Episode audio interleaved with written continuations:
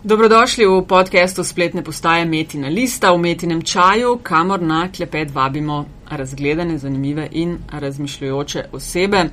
12 epizod smo doslej posneli za kakšnih 9 ur vožnje Metinega čaja, ki ga kuhava skupaj z Aljažem Pengovom Bitencem. Aljaš, živijo. Živijo. Družbo pa nama bo tokrat delal spoštovani Lenard Kučič, novinar in kolumnist sobotne priloge dela. Lenar, že večkrat so te imela zalažem v mislih in e, z namenom povabiti te, na katero od tem ustreza vsi profil na, na en kup tem, tako da e, lahko računaš, da se bomo, upam, da lahko še večkrat e, slišali skupaj in debatirali skupaj. Tokrat pa istočnica za debato. Najnovejši podatki nacionalne raziskave branosti, ki poteka pod okriljem Slovenske oglaševalske zbornice. Raziskava pa je pokazala naslednje, uh, da ljudje berejo časopise, bomo o tem rekli kakšno več. Še vedno manj kar velik, uh, da med dnevniki ostajajo na vrhu slovenske novice, uh, med tedniki z naskokom še naprej kraljuje nedeljski dnevnik, med 14 dnevniki razvedrilo, a ga kdo kupuje od vaju. Mm, jaz sem včasih, ja, ja, križanke pa to, sodoko. Mm. Jaz sem ga včasih zastaral. Ja. To, to še zmeraj offline deluje. Ja, očitno je uh -huh. res zelo resno. Med mesečniki je na vrhu Ciciban, uh mhm. -huh. to smo vsi svoje čase brali. Ne? Um, med brezplačniki, kjer konkurenca sicer ni prav zelo huda, pa je na vrhu žurnal. Uh -huh. Uh, zdaj pa to je naša istočnica, dajmo debatirati. Jaz se bom takoj spotaknila ob uh, te zapise, ki sem jih tudi na vaši spletni strani, verjetno tiskani zdaj tudi in na dnevniku ujela. Ljudje berejo časopise in berejo jih velik. Tokratna raziskava je bila mal drugačna kot prejšnje, ker je vključevala in mobilno in spletno edicijo. Uh -huh. uh, kaj ti, ti pa si časopisni človek, jaz sem sicer delala na regionalnem radiju, pa na televiziji, pišem za časopise revije občasno, nisem pa nikoli bila del uh, katere od časopisnih redakcij. Uh -huh. Tako da, da nam probej eh, pomagati razumeti te podatke. No. V te podatke je težko razumeti. Ser, eh, ena od takih zanimivih, ne, ne, ena takih zanimivih raziskav, ki me je zanimala, bi bilo, da bi vzel tako zadnjih pet let na kak clipping, kako so mediji poročali o vsaki raziskavi branosti. Okay, Ker čisto vsak, ki so bile tako zelo zabavne, uh, naslovi so bili. Pač vsak od teh časopisov, uh, ki se je znašel noter, je poskušal izbrskati iste raziskave in podatke, kjer ni bilo čist katastrofalno. Pomeni, ali je poiskal, da nam je padl menjke v zadnjem kvartalu, ali menjke konkurenci, ali več kot tam. Mislim, vsak je. To si prav predstavljam, da je bil uh, hud brainstorming, ker so ti podatki prišli ven, na kakšen način zdaj o tem pisati v našem časopisu in ne že z naslovom pokazati, da, je, da so podatki precej katastrofalni. Okay. To, to, to, recimo, je, ne, se to zdaj tako malo kot lokalne volitve, ki so vsi zmagovalci, ki so eni imajo največ občin, drugi imajo naj, največ svetnikov, pa ja, ja, ja, največ mestnih občin. Ja, najdeš svoj vsaka, ja, vsaka stranka se z nečim pohvali, to, da so vsi zmagali na volitvah, razen če niso res čist skubl. Ja tako da so, ne vem, pač niso prišli noter. To je edina stvar, ki se ti lahko zgodi. Ja, pa še takrat si polo hrano, načelno držo in. Očitno, ja, si pa si pa moralni, moralni, moralni zmagovalec. Seveda, ja. pa si pa uh, krivil voljivce, da tega niso prepoznali. Ja, te raziskave in... ni, ne, te, to, ampak je dobra ideja, da bi se mogoče res analiziralo, kaj in kako. Zdaj ta, ta raziskava je mal drugačna od vseh prejšnjih, pravi, Tako, da to težko primerjajo z ostalimi. Ne? Šlo uh -huh. je mhm. za obdobje od, mislim, junija do februarja, nekaj takšnega. Ne? Ja, tako. Metodologijo so precej spremenili. Je pa res, da bomo videli pol, šele, ko bojo to enkrat začeli ponavljati, bomo, bomo približno videli, kam lahko primerjali primerljivo s primerljivim, zaradi tega, ker prejšnje raziskave so bile razmeroma preproste. Pač vemo, kva so merile, merile so tok pa tok časa in In ja, mislim, če si križal NRB, pa če si križal pol, pač tiste revidirane naklade, si lahko približno videl, kako so se prepletali ali pa razpletali podatki o nakladah, pa podatki o dosegu, pa podatki o obranostih, kar so seveda, kar pa tudi moramo vedeti, to so zgolj ene take metodološke valute, ki so bile po svoji zasnovi namenjene eni sami stvari in to je preračunavanju cene medijskega oglasnega prostora v neki. Pač to, vsi te podatki, o katerih se pogovarjamo, so zgolj ena taka izmenjalna valuta med medijskim podjetjem in oglaševalci. Se celo tudi to imenujejo valuta. Ne?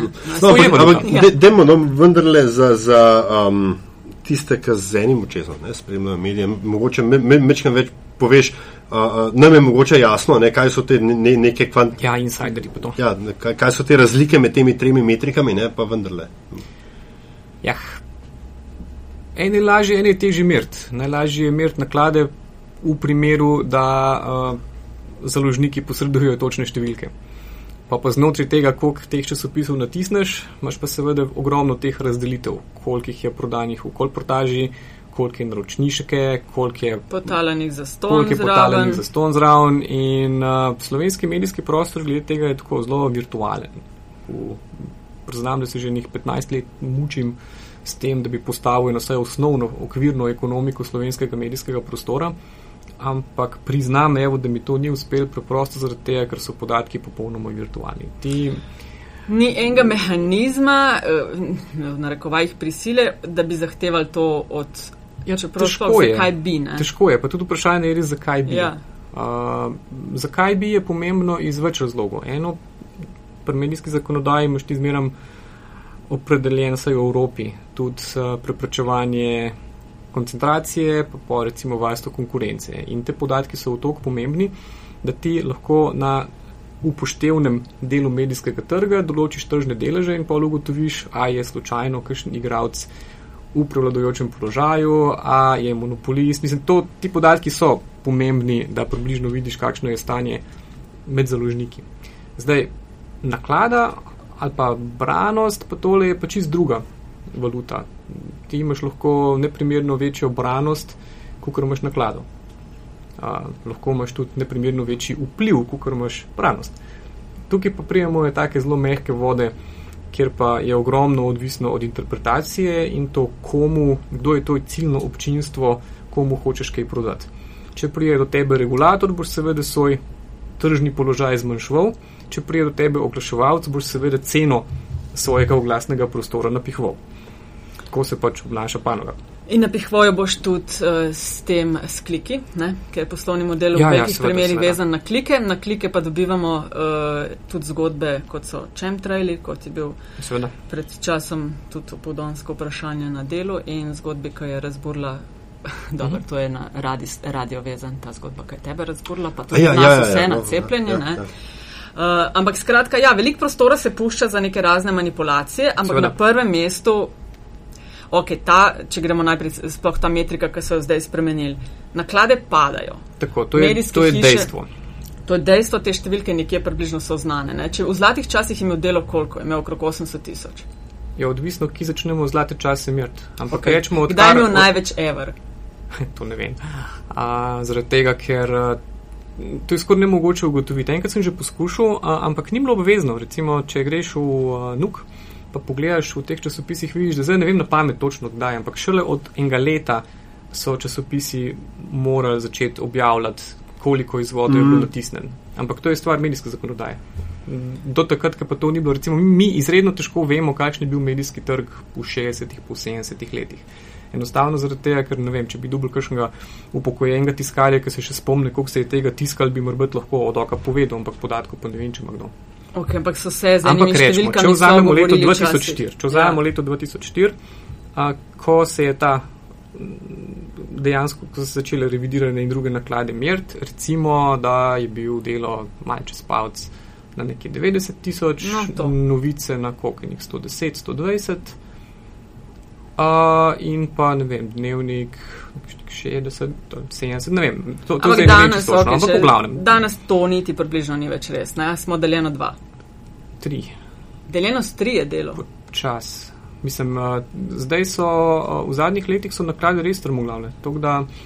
Zdaj je vprašanje, koliko so realne, ampak se mi zdi, da so tako vsi nekje izenačeni med tam male dva, recimo dnevnik pa večer, sta mojnih ta nizkih, že na 30, delovno na 40 ali pa tako še uh mhm. -huh. manj. Tako da, uh mhm. -huh. tako da posoje, a, ampak je pa spet ena stvar, ki, ki jo treba tudi povedati. In to je, a, ko sem že pred 15 leti delal eno od teh prvih raziskav um, in sem imel Evropo za vzorc. A, sem ugotovil, da v zahodnji Evropi je bil dnevno recimo so bile naklade dnevnega časopisa zelo, zelo niže kot recimo v posocializmu. Recimo, če vzameš um, Anglijo, ki ima svojih koliko 60 milijonov ljudi, uh, kaj mislite, koliko je skupna naklada, skupna dnevna naklada vsega, kar lahko približno predelimo kot kakovostni tisk, kar pomeni, kar ni tabloid. Da damo zraven še Financial Times, pa koliko bi rekla, če spavate. Recimo, 60 milijonov ljudi. 60 milijonov, ok. Zdaj tako, dosti na približno bom vrgla, ampak recimo, da če je Wall Street Journal najbolj nakladen časopis na svetu, pa ima okrog 2 milijona ali nekaj takšnega, ali milijon, ne? Uh -huh. Klenik je. Um, bi si upala reči, da okrog milijona? Tam nekaj, ja. mm. samo dober milijon. In če pol vzajemo še Francijo, pa Nizozemsko, Nemčijo, vse te zahodne trge, ugotovimo, da je sicer mečken kontinent malo več, a, a anglosaksonci mečken manj, ampak v, tako v povprečju je pa vse, kar lahko opredelimo kot kakovostni dnevni tisk, zajame tam 2-3% populacije. Ne. 2-3% populacije v Sloveniji je pa uh, pol toliko, kot je imel delo v najboljših časih naklade. Uh mhm. -huh. Kar pomeni, vsi časopisi bi mogli imeti dobro 50. Se pravi, ali jaš, če imamo na eni strani v bistvu raziskav obranosti, ki kaže, wow, časopise berejo, pa vemo, da naklada pade zraven, so lahko tale, uh, to dikcijo dosegli s tem, da so zraven preklopili mobilne in spletne izdaje, ampak spletne ja, izdaje so smiselno. Ja. Smiselno, absolutno. Ne? Je pa nekaj res, no kdo odvajal, ok, ti si na delu, pa kje časopise kupuješ v tiskani izdaji? Kaj kupujete vidva? Mm, evo, priznam, da uh, če se uživim v medijskega potrošnika, kar sem vsaj kakšen mesec na leto, uh, jaz kupujem samo tedensko periodiko.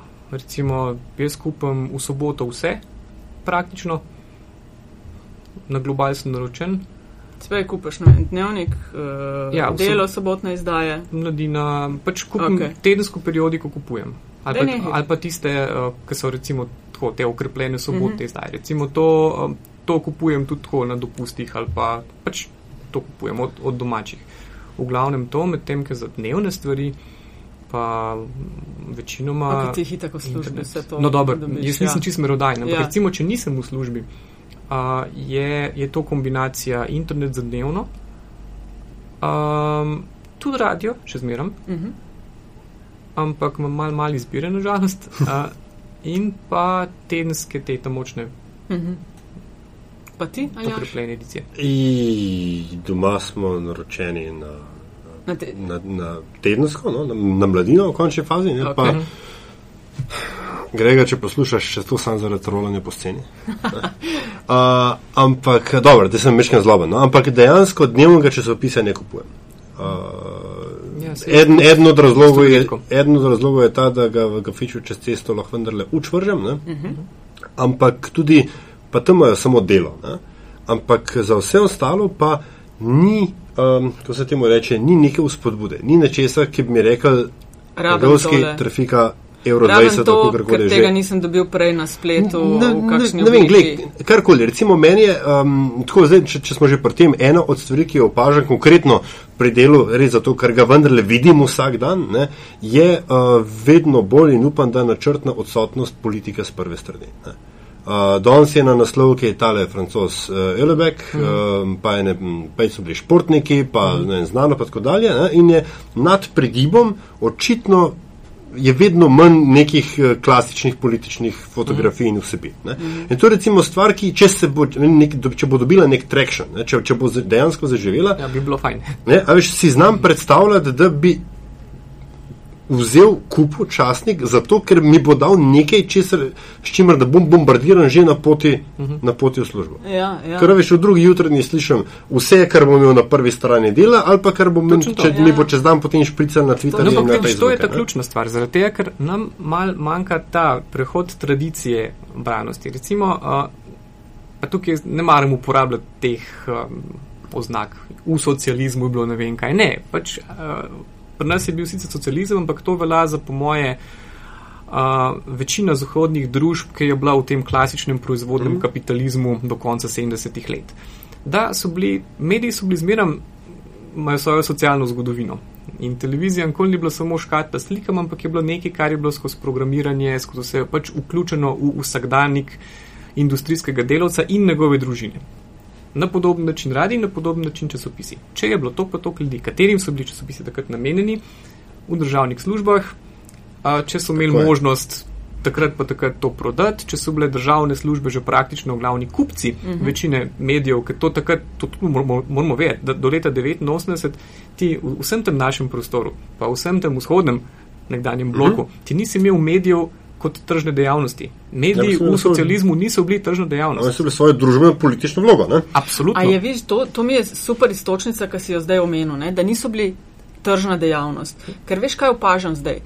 Recimo, doskrat se, se pogovarjamo, kaj naredi, da bodo ljudje dajali denar za vem, ali sebi, spletne strani ali bloge ali karkoli, ki se jim zdijo vredni njihove podpore. Uh, in da je mogoče glih to razlog, da se nam zdi tisti evro, evro pa pol, kar stane izvod na dan ali pa pet evrov, ki bi jih namenil na mesec nekomu. Uh -huh ta navajenost, nekaj zaradi česar dan, danes težko podpremo. Veš, kaj gremo vsak dan, gremo na kavo uh. -huh. in lahko kava tudi ni dobra, ampak tudi trzneš ne, kad daš evro, evro pa pol ali pa mhm. dva evra. Ko pa pride do tebe, ne vem, stran, s kjer se ti zdi dobra, kad dela dobro novinarstvo, recimo, ali uh -huh. Mhm neko gibanje, neka dobrodelna akcija, dokaj kle še dajemo. Uh -huh. uh, in od tebe ti rečejo, recimo, primer radio študent, 5 uh -huh. evrov rabimo ja. za eno leto. Pa ljudje ne bodo dali. Pa ljudje ne bodo dali. Uh -huh. Za kavo vsak dan pa da. A je to mogoče, kaj mislite, no? da je glih posledica tega, ker smo bili navajeni, da to se dobi, da je to nekaj, kar ne vem, država mora subvencionirati, kar moramo.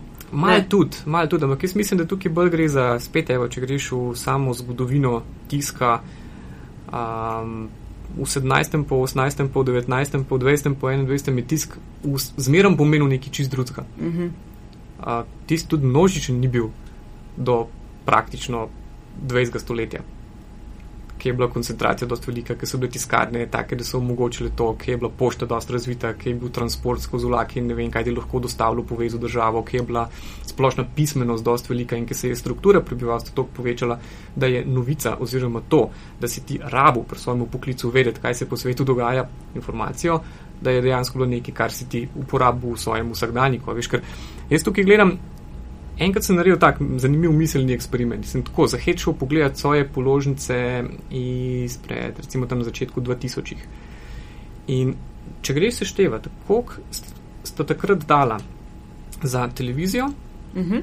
internet, a, telefonijo, naročnino na vsaj kakšen časopis, pa vsaj kakšno revijo, pa ne vem kaj, jaz mislim, da bi prišel na revaloriziranih današnjih menjke 200 evrov. Mhm. -huh. Pač strošek celotne, paketa celotnega tega. paketa, vsega tega, ki uh, takrat je bil tak. Danes vsak da samo za mobilni telefon, precej več. Mm. Zato, realno gledano, se je uh, trošenje potrošnikov za informacijske tehnologije, za vsebine, za zabavo, za ne vem kaj, enormno povečalo. Zaradi tega, ker res mislim, da danes priješ počaže v gospodinstvu tam na 100 evrov. No, minimalno. Najmenj. Veš, internet je se veš, trojčki so tam, koliko 40-50, vsak telefon je koliko 15 do 25, pa še več.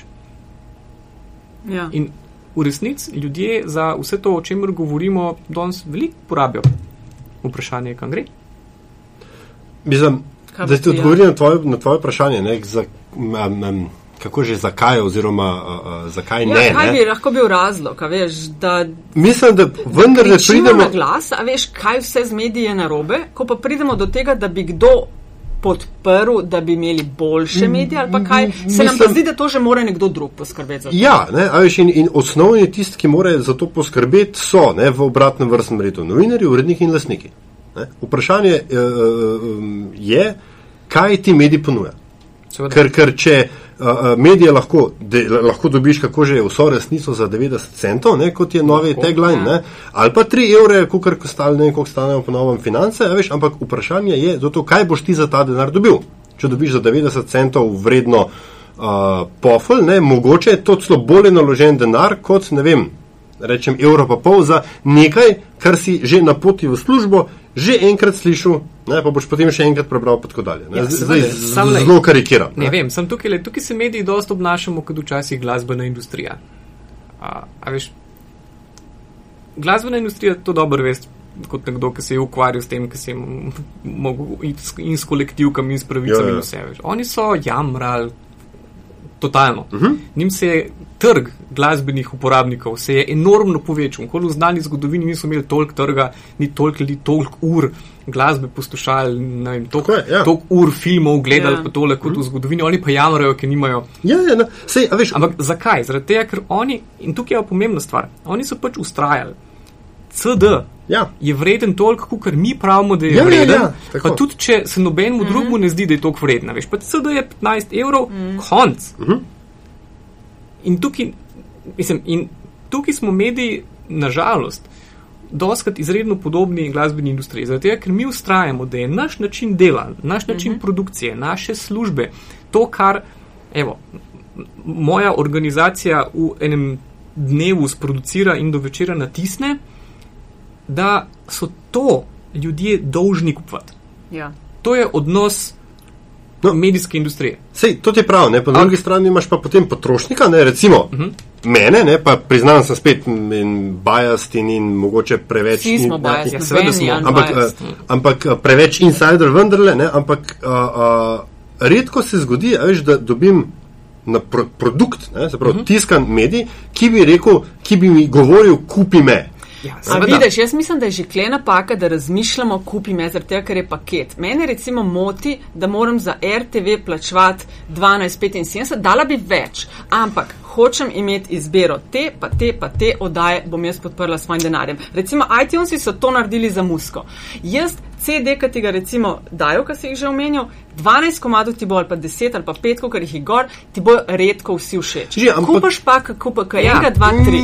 Sem tu pa mal, tukaj je mečken nevarna logika, ja. zaradi tega, ker ena od stvari, ki Če greš mečken brati te brezno razne manifeste mm -hmm. digitalne iz 90-ih let, od Being Digital do Death of Distance, do What Technology Wants in vse živo, vidiš, da so oni to dobro zadeli tehnološke trende, izredno slabo pa ekonomske trende. Mm -hmm. Takrat od njih noben ni, ampak res noben, nisem še najdel, da bi kdo takrat v tistih časih predvidel vem, tega monopolista informacijskega, kot je Google ali pa mm -hmm. trgovskega, kot je Amazon. Tega noben ni predvidel, ker so vsi verjeli, decentralizacija je tukaj ključna, long tail, vsak bo lahko. Ampak jaz mislim, da te ogromno ustvarjalnih industrij v resnici so bandli.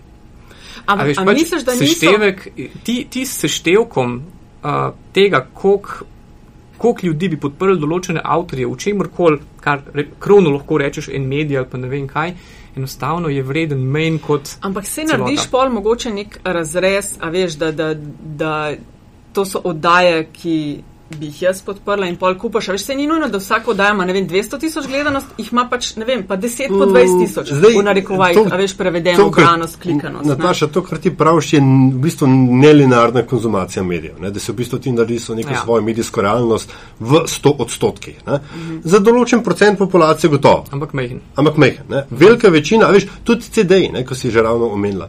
Kaj se je zgodilo? Art, uh, bendi, artisti so nehali delati dva komada res dobra, pa devet komadov uh mhm. -huh. pofla, samo zato, da so v njih 45 minut nabili. Začeli so delati CD-je, ki so 60 ali več minut dejansko polni od 74. Uh -huh. Začeli so delati odličen artwork v, za ovitke in se je začeli CD-je kupovati ne zaradi unih dveh komadov, ampak zato, ker bi to, da nek, da rečem, tak wholesome user experience. Hmm. Ker, je pač ime, ker je CD postal kategorija LP-ja, ki si ga imel zaradi vidika, zaradi cele zgodbe, ki jo zraven kupaš. Zaradi, pa zaradi, še ne, pa še ne česa. Ja. Takrat so bili, tudi glasbena industrija je bila tako drugačna, da so bili uh, bendi motivirani delati albume. Tako. Albumi so bili. Mislim, albumi niso bili v 70-ih letih, albumi niso bili to, kot so bili v 90-ih letih. Veš, tisto en hit, ki ga spromoviraš na ja. MTV-u, pa pa pač še neki naštancanga pofla. Uh -huh, uh -huh. Veš, to je veliko bolj ubil uh -huh. idejo albuma, kot pa sam nosilc. Enostavno nisi imel več razloga, tudi če si bil glasboljubec, da bi tak izdelek kupoval. Veš, koliko je bilo tistih one hit wonders, veš, ki si. Veš, ja. kaj, mogoče sem, sem bolj to imela v mislih s to parcelacijo, da si danes težko predstavljam, da bi recimo en delo lahko meni tako kompletno informacijo, ki bi mene zanimala, ponudil znotraj Težko. paketa. Veš, da boš ti meni lahko dal najboljšo tehno stran, najboljšo ne, avto stran, najboljšo politika stran. Si pa predstavljam, da bi to lahko imel svoje gliserje, razumeš, da je vse ok en tanker, ki ima neke gliserje, na kjer se pa jaz občasno preklopim. Ne? Jim pa sledim zaradi tega, ker je cel komplet delo, recimo, ali pa ne vem, ker so to bili poskusi, da imaš ti okrovno znamko, pa da imaš ti polne take spin-offe. Pa se to zunaj je praksa, če gledaš, veš, grejo, veš ti, ti nimaš več, ne greš na Washington Post ali pa na New York Times, če hočeš te boljš eh, teh novice dobiti. Ti greš mm -hmm. drugam, ti greš, ne vem, na da ne bomo, ker ti si tehničari, kjer so tiste gadgeti, ne vem, mešabli, gokari, kjer koli. Ne, to druge stvari. Ja. Veš, oni so zelo spozicionirani. Ena od stvari, ki sem jih zdaj gledal na cesu in me je tako zelo presenetila, ja. je bila to, da, da sem bil med, med novinarji tam na teh glavnih dogodkih med mlajšimi.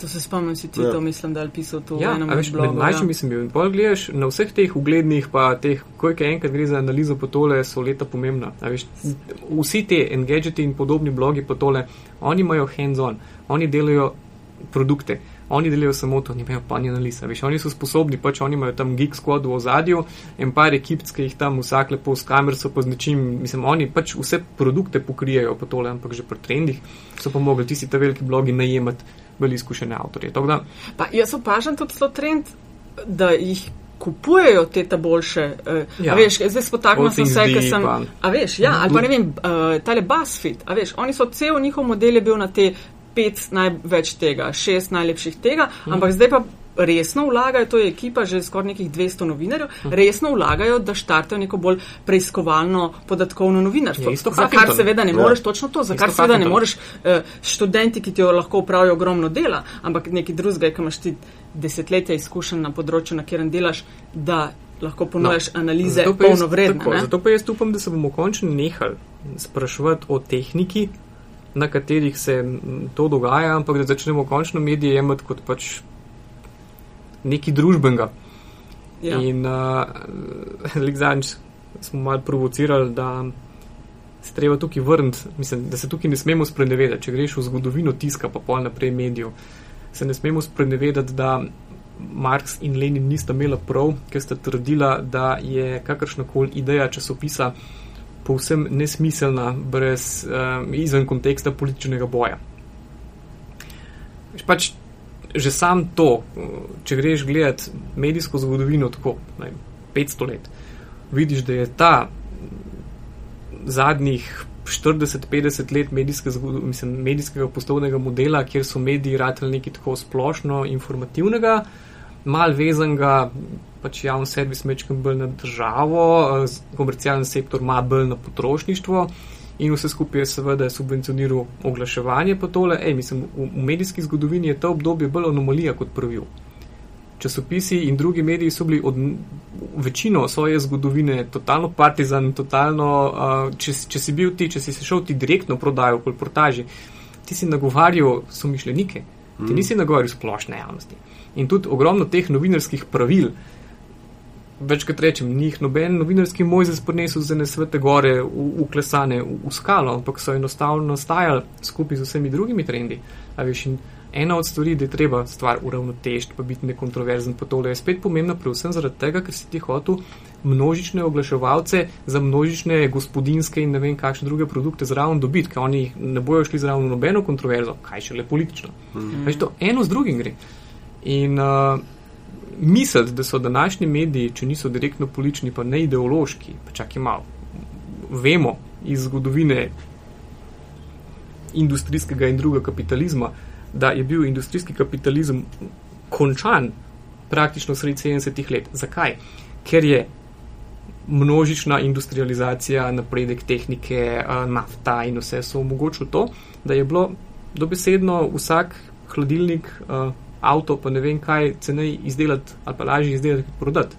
Zaradi tega, ker je enostavno vse predstavljive temeljne potrebe, je lahko ta množični, množična standardizacija jo lahko praktično izpolnila brez kakršnih koli težav.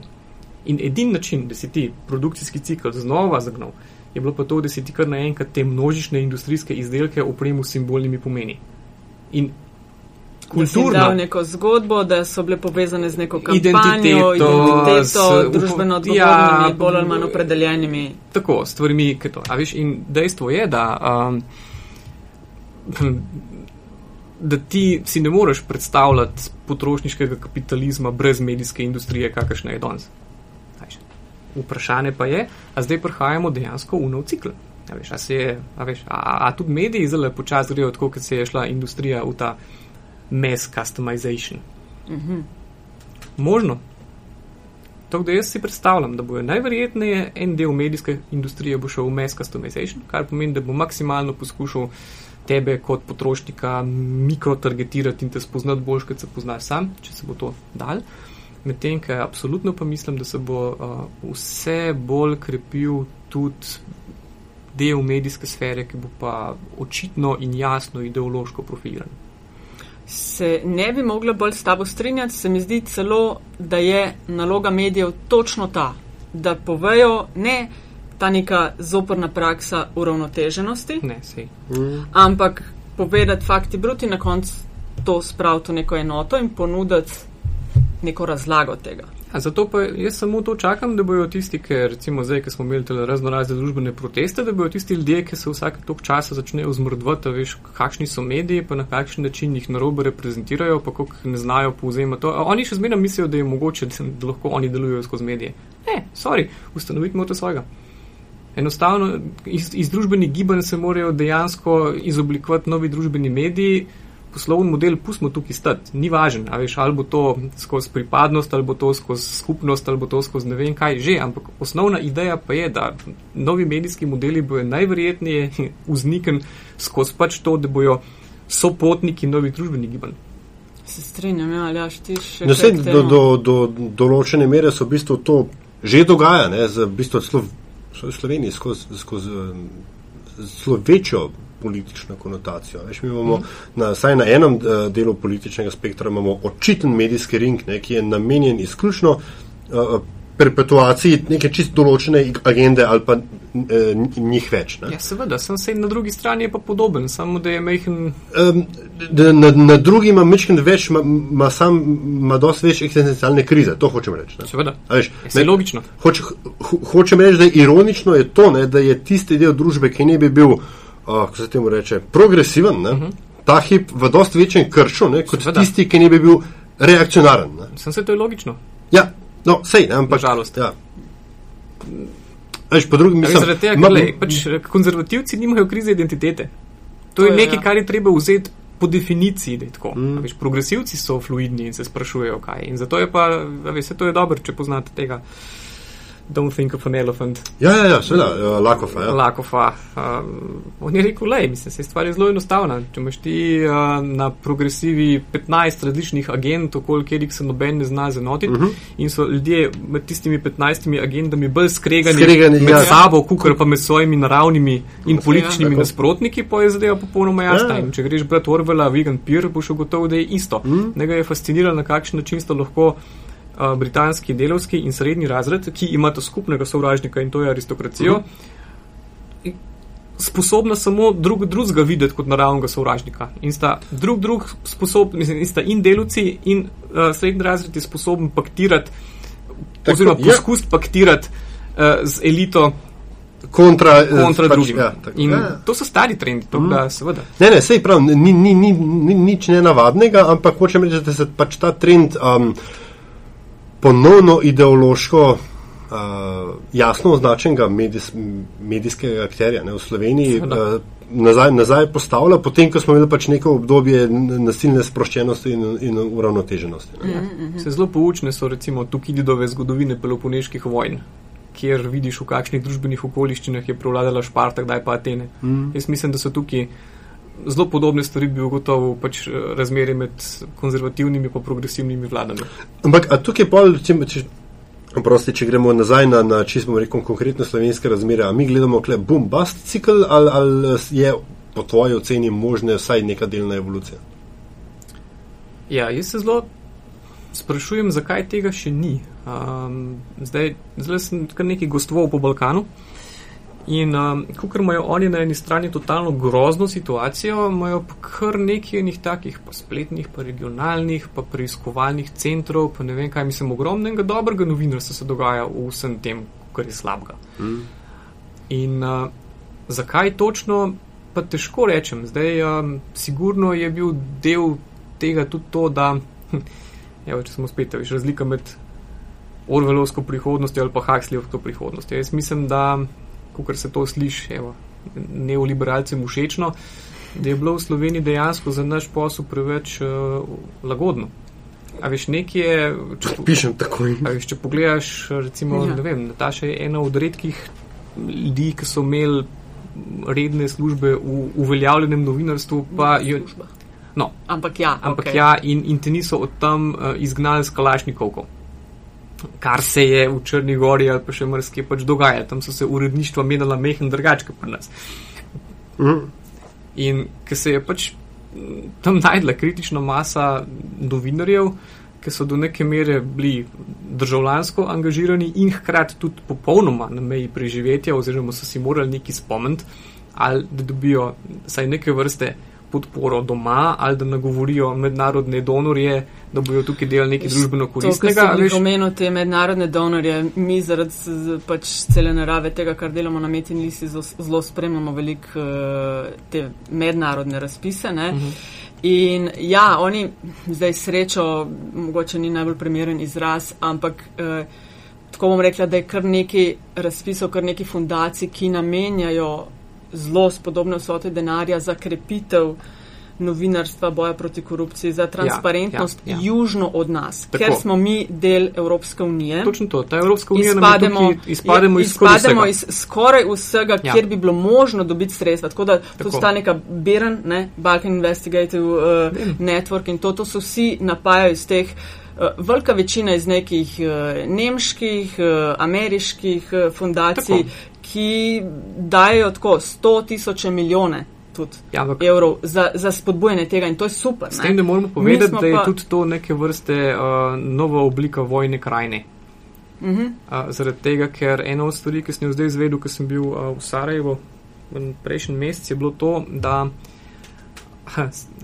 recimo, da je tudi zaradi tega ta boj proti korupciji in to jim v interesu financirati enostavno zaradi tega, ker na ta način pač selijo malo to vojno fronto mečken naprej iz svojih mej. Pač mm -hmm. veliko lažje je imeti tukaj te domače janičare, ki nekaj delajo, kot pa pustiti, da stvar do njih pride. Zato, ker v teh državah, če si spremljala za ta poročila, sploh teh preiskovalnih centrov, ugotavljajo, da so južnoameriški narkokarteli, ki so prej uporabljali uh, centralno Afriko, za letalske tovore in so potem uh, po teh begunskih linijah čez sredozemlje to distribuirali čez Italijo, pa pol naprej gor.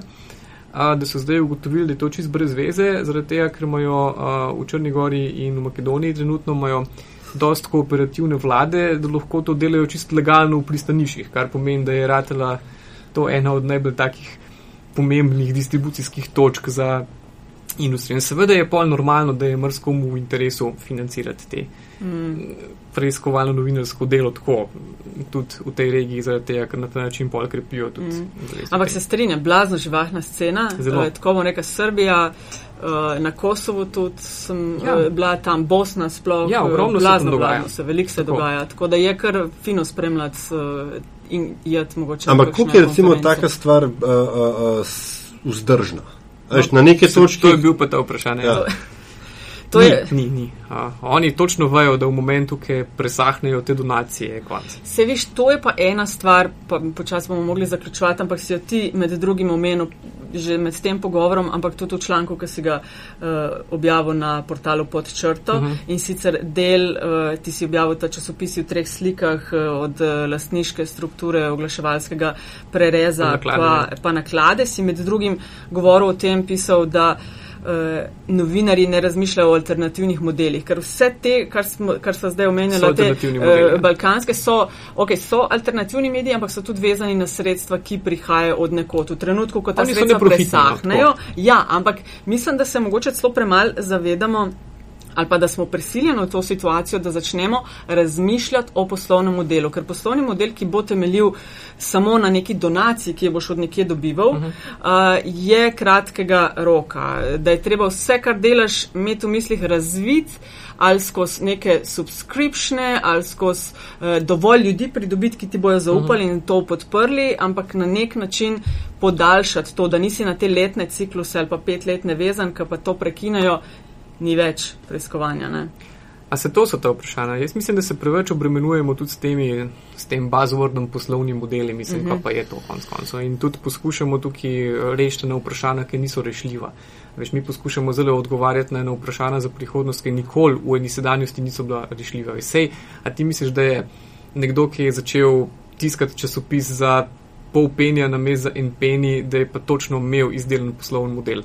Ali pa da je bil prvi, ki se tega spomnil. Veš, to je bila zmerna evolucija vsega. In, Škaj, in čisto normalno res, je, da danes ne vemo, kva bo čez pet let. Je pa tudi nekaj res, kar tudi sam pišeš v tem članku, ne, da ta poslovni model, da je doskrat bilo neko politično mešetarjenje s tem. Jaz glih kar Sveda. berem tisto knjigo od Alena de Botona, News uh -huh. Users Manual, ne, uh -huh. uh, kjer piše o tem, kako nas uh, vse možne inštitucije izobraževalne pripravljajo na življenje, nihče pa nas ne pripravlja na to, kako uh, brati novice. Uh mhm. -huh.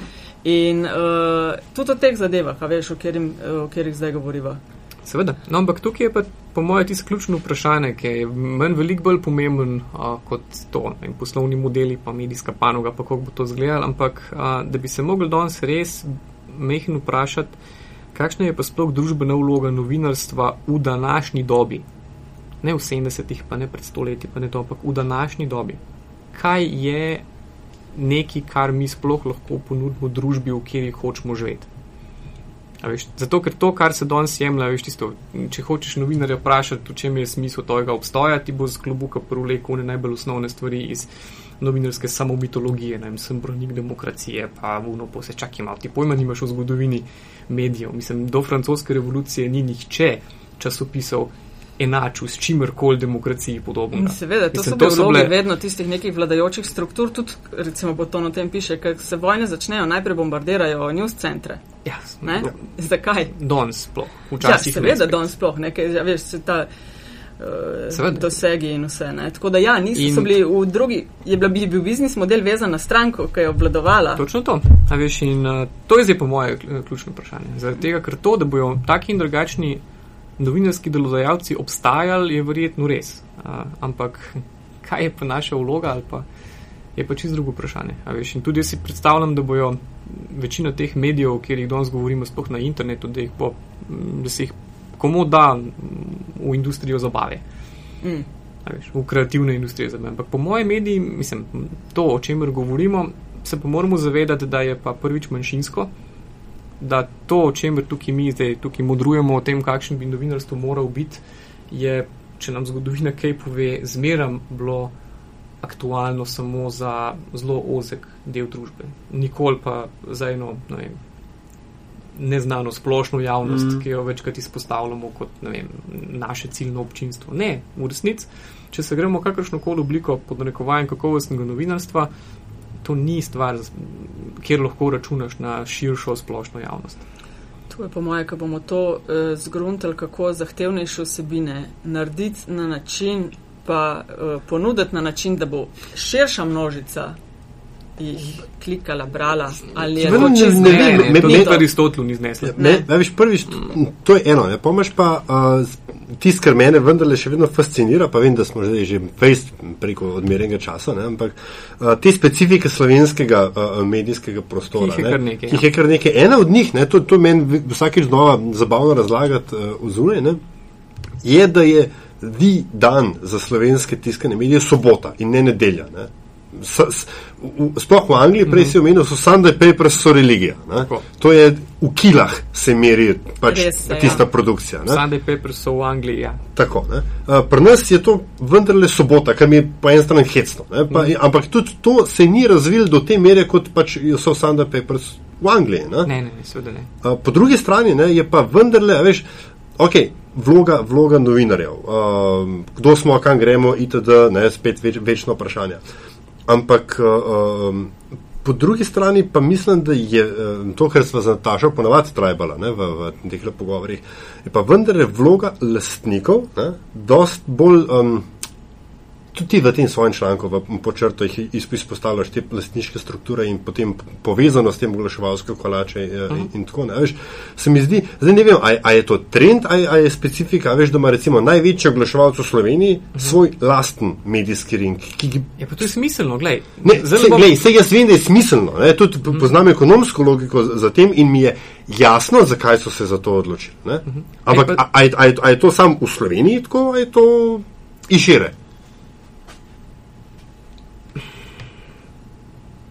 Ne vem, če tukaj je kakšen enoten odgovor, ampak jaz mislim, da še ena stvar, ki jo moramo res upoštevati, ko se pogovarjamo v Sloveniji, je to, da vse to, s čimer imamo opravka, so izredno tipični tranzicijski pojavi.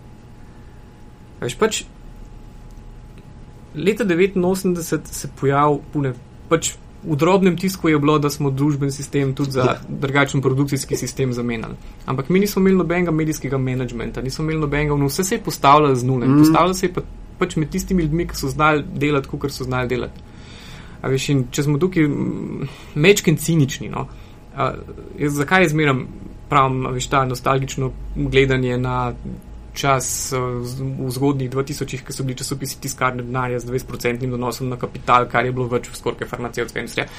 Ja, zakaj? Lej, to je šlo eno z drugim. Uh, Vemo, kakšno vlogo ima politika v Sloveniji, vemo, na kakšen način so se prerasporejale a, strukture, vemo, na kakšen način so se zmerom ustvarjala dva pola. Tudi v medijih je, mhm. so, bile, mislim, so dejansko oni prejšnji si delali paralelno strukturo, če jih takrat demos popolnoma zlustrira. Takrat se je ogromno njih takih medijskih nastavkov ustanavljalo, od tistih neuspešnih časopisnih poskusov, konc koncev tudi telekomunikacijski infrastruktura.